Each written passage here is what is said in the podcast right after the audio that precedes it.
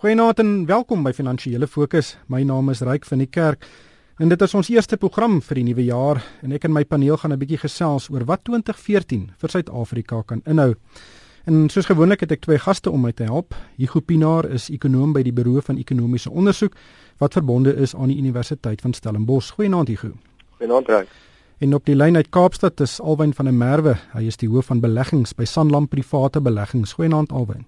Goeienaand Ryk. Kom ons begin uh, by die vooruitsigte vir die ekonomie. Ehm um, Igu, die ekonomie verlede jaar het so net onder 2% gegroei of ons, ons verwag dat hy met soveel sal groei. Wat is jou verwagtinge vir 2014?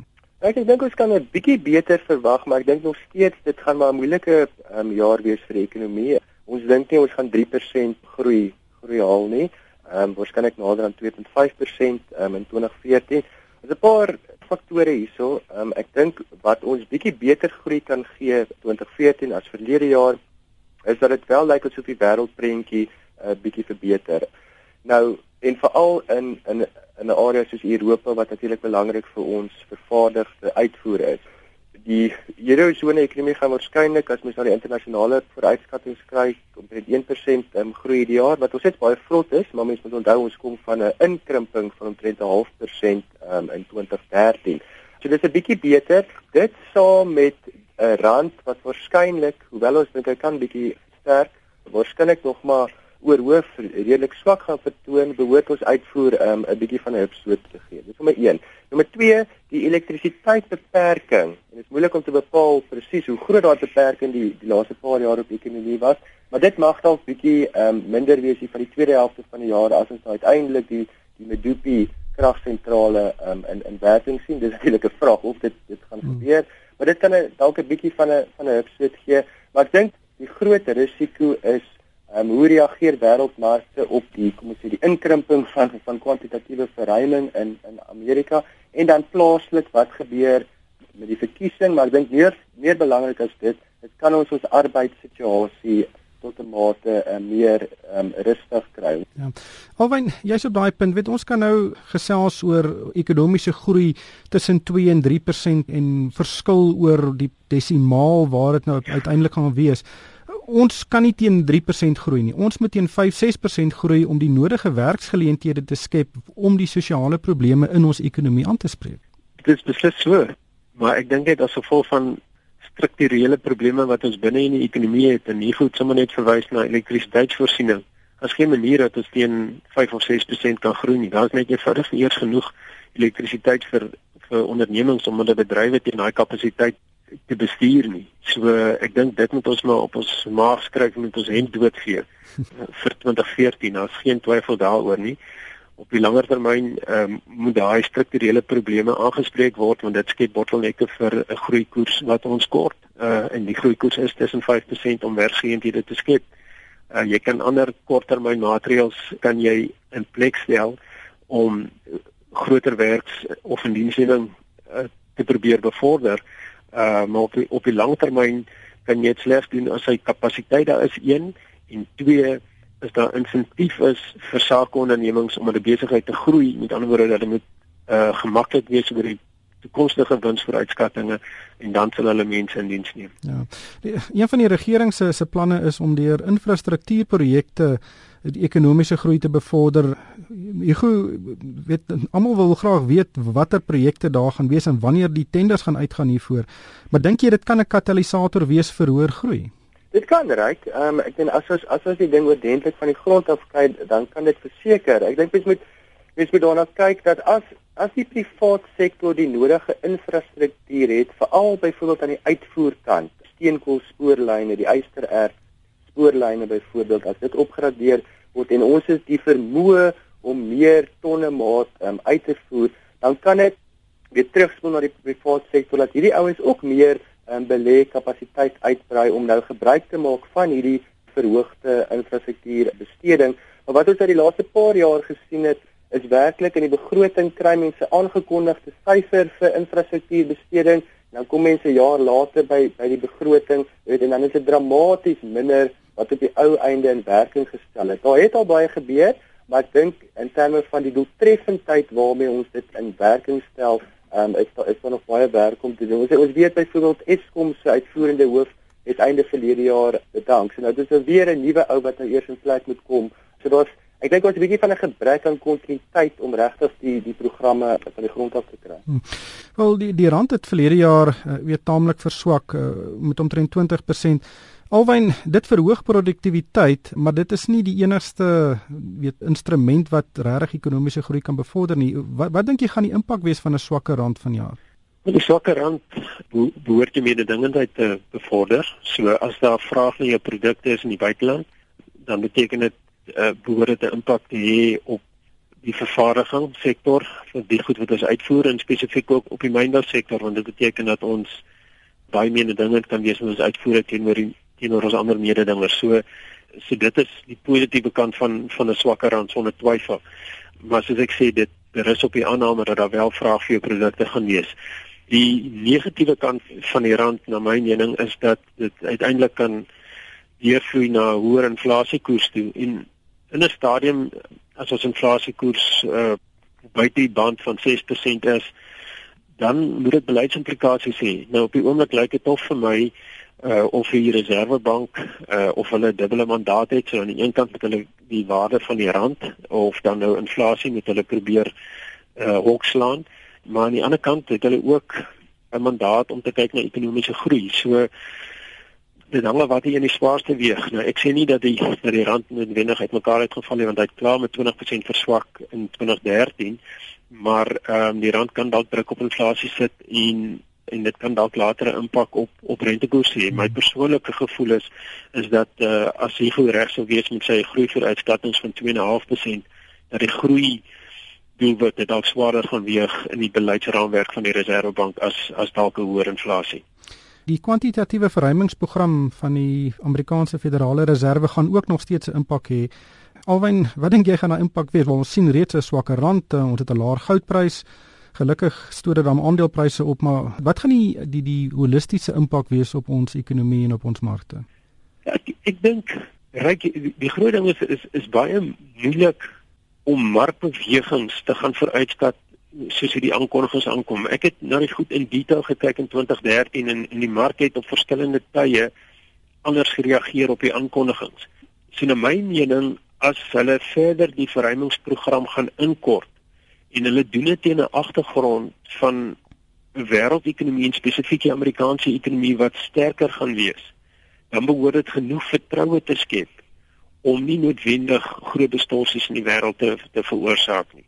Baie mense is bang dat as jy nou die sogenaamde punchbowl wegvat van die ekonomie, dat die ekonomie in duie gaan stort, maar as die partytjie lekker uh, koers gekry het, dan kan jy maar die punchbowl wegvat en jy die partytjie sal redelik goed aangaan. So so ek dink dit is is baie moeilik om te sê wat die impak daarvan gaan wees, maar ek dink een ding wat ek wel wil sê is as dit weggevat gaan word, dan sal dit gedoen word in die agtergrond van sterker ekonomie en dan kan dit dalk nog 'n negatiewe impak op die goudpryse hê om jou vraag spesifiek te antwoord. Dit kan ook 'n impak hê op kapitaalvloei en ons weet in die tyd wat die ontwikkelde ekonomie swaarder getrek het as die ontleikende ekonomie het kapitaalvloei na ontleikende markte ekonomie toe gegaan. Daai kapitaalvloei lyk nou of dit wil teruggaan na die ontwikkelde wêreld toe. Hm, Hugo? Ja, ek ek wil net aansluit daarbey. Ek dink ook ons sien dat dat beleggers, internasionale beleggers is meer selektief. So jy weet hulle begin nou kyk na die lande wat uitstaan in terme van die lande wat die grootste finansieringsbehoeftes het. En ongelukkig is Suid-Afrika een van daai lande. Ons het groot tekorte. Ons weet op ons begroting, die staatsinkomste minder as staatsuitgawes en dieselfde um, as mens na die verskil tussen in en uitvoer kyk. So ons het konstant of permanent 'n klomp buitelandse kapitaal nodig en ons staan 'n bietjie uit uh, as 'n land wat nie noodwendig die mees aantreklikste is nie. So dit dit is 'n groot risiko. Ek stem heeltemal saam dat die kwalitatiewe verruiming inperking kom teen die agtergrond van sterker wêreldgroei soos behoort voordeel daaruit te trek. Miskien van ons ander kommuniteitspryse uitsluitend goud kan kan dalk styg maar ehm um, ek dink die risiko is dat ons nie voldoende kapitaal kry om ons groot tekorte te finansier nie. En dit het natuurlik implikasies vir iets soos die die wisselkoers van die rand. Hmm. Hier ons sien reg oor die wêreld lande wat sukkel met ekonomiese groei. Sommige lande soos die VSA lyk my het 'n resep gekry om hulle ekonomie weet te stimuleer, weet as mens dit vergelyk met die VSA. As mens gaan kyk na buitelandse ekonomieë, einde verlede jaar het dit begin lyk asof daar 'n 'n groei plaasvind in al daai streke en dat ons die regtig die probleme wat ons gesien het, die ekonomiese groei probleme na 2009 nou begin afskud. Is is dit 'n regverdige of 'n billike opaanname? Ek dink tot 'n mindere mate ryk is is dit reg. Ehm um, het ons het veral in Europa het ons nou beweeg na na matige positiewe groei na na 'n lang en diep ehm um, resessie.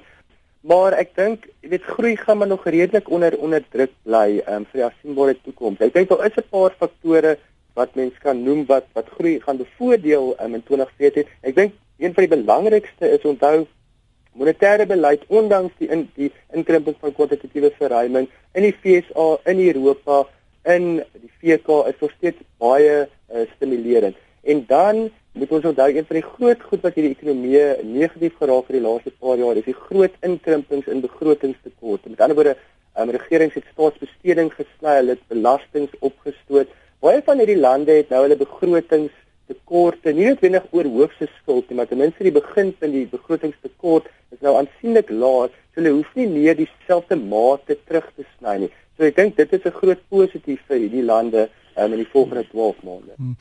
Alwen net laastens uh, kom ons kyk na die, die na die beurs uh, wat verwag jy vir jaar van die beurs en dink jy die JSE kan internasionale markte klop? Kyk jy altyd 'n 'n jaar vooruitskatting vir dan weet jy mos hy gaan verkeerd wees. so, so ek het nog besluit ek gaan jou vraag antwoord nie ek gaan vir jou 3 jaar antwoord gee. Ons het sommer nou net gaan kyk na die waardasie van die mark en gaan kyk wat gaan wat gebeur met waardasie van die mark as hy op so 'n hoë waardasie verhandel dan het ons gaan kyk hoe lyk die wins uh vooruitskattings en soos ons weet die prestasie van die mark is maar net 'n kombinasie van hoe winste groei en wat die beleggers bereid is om te betaal vir daai winste. En ryk is as die sommetjie gedoen het dan sien ons so 'n kapitaalgroei van so 6% per jaar vir die volgende 3 jaar en ons sien 'n dividendopbrengskoers van so net oor die 2.5% amper 2.8% so dit bring jou by jou verwagte totale opbrengskoers van so 9% per jaar vir die volgende 3 jaar. Nou hoe daai 9% gaan deurkom is 'n suiwer raaiskoot. Ek persoonlik dink dat dat die, die wêreldmarkte is waarskynlik nie so duur soos ons eie mark nie. En as hier goed reg sou wees dat daar dat die groei waarskynlik selfs 'n bietjie beter kan wees as wat mense verwag het, maar ons definitief positiewe groei gaan sien oor 'n breë front van van lande en ekonomieë, dan behoort die winste deur te kom vir die internasionale uh, maatskappye die waardasies is nie so hoog en dit behoort ook ons mark te steun. Hmm. Sowel baie mense geweldig skepties kan wees oor die mark, is ons minder skepties daaroor en ons dink net as 'n bateklas oor 'n 3 jaar periode is dit die een bateklas wat nou darm nog vir jou die geleentheid gaan gee om inflasie te klop. En ons sien nie dit noodwendig so in die ander hmm. bateklasse nie. Maar die beurs het die afgelope 2 jaar verwagtinge eintlik gerieflik geklop, lekker maklik geklop uh, en ons het bo gemiddelde groei gesien.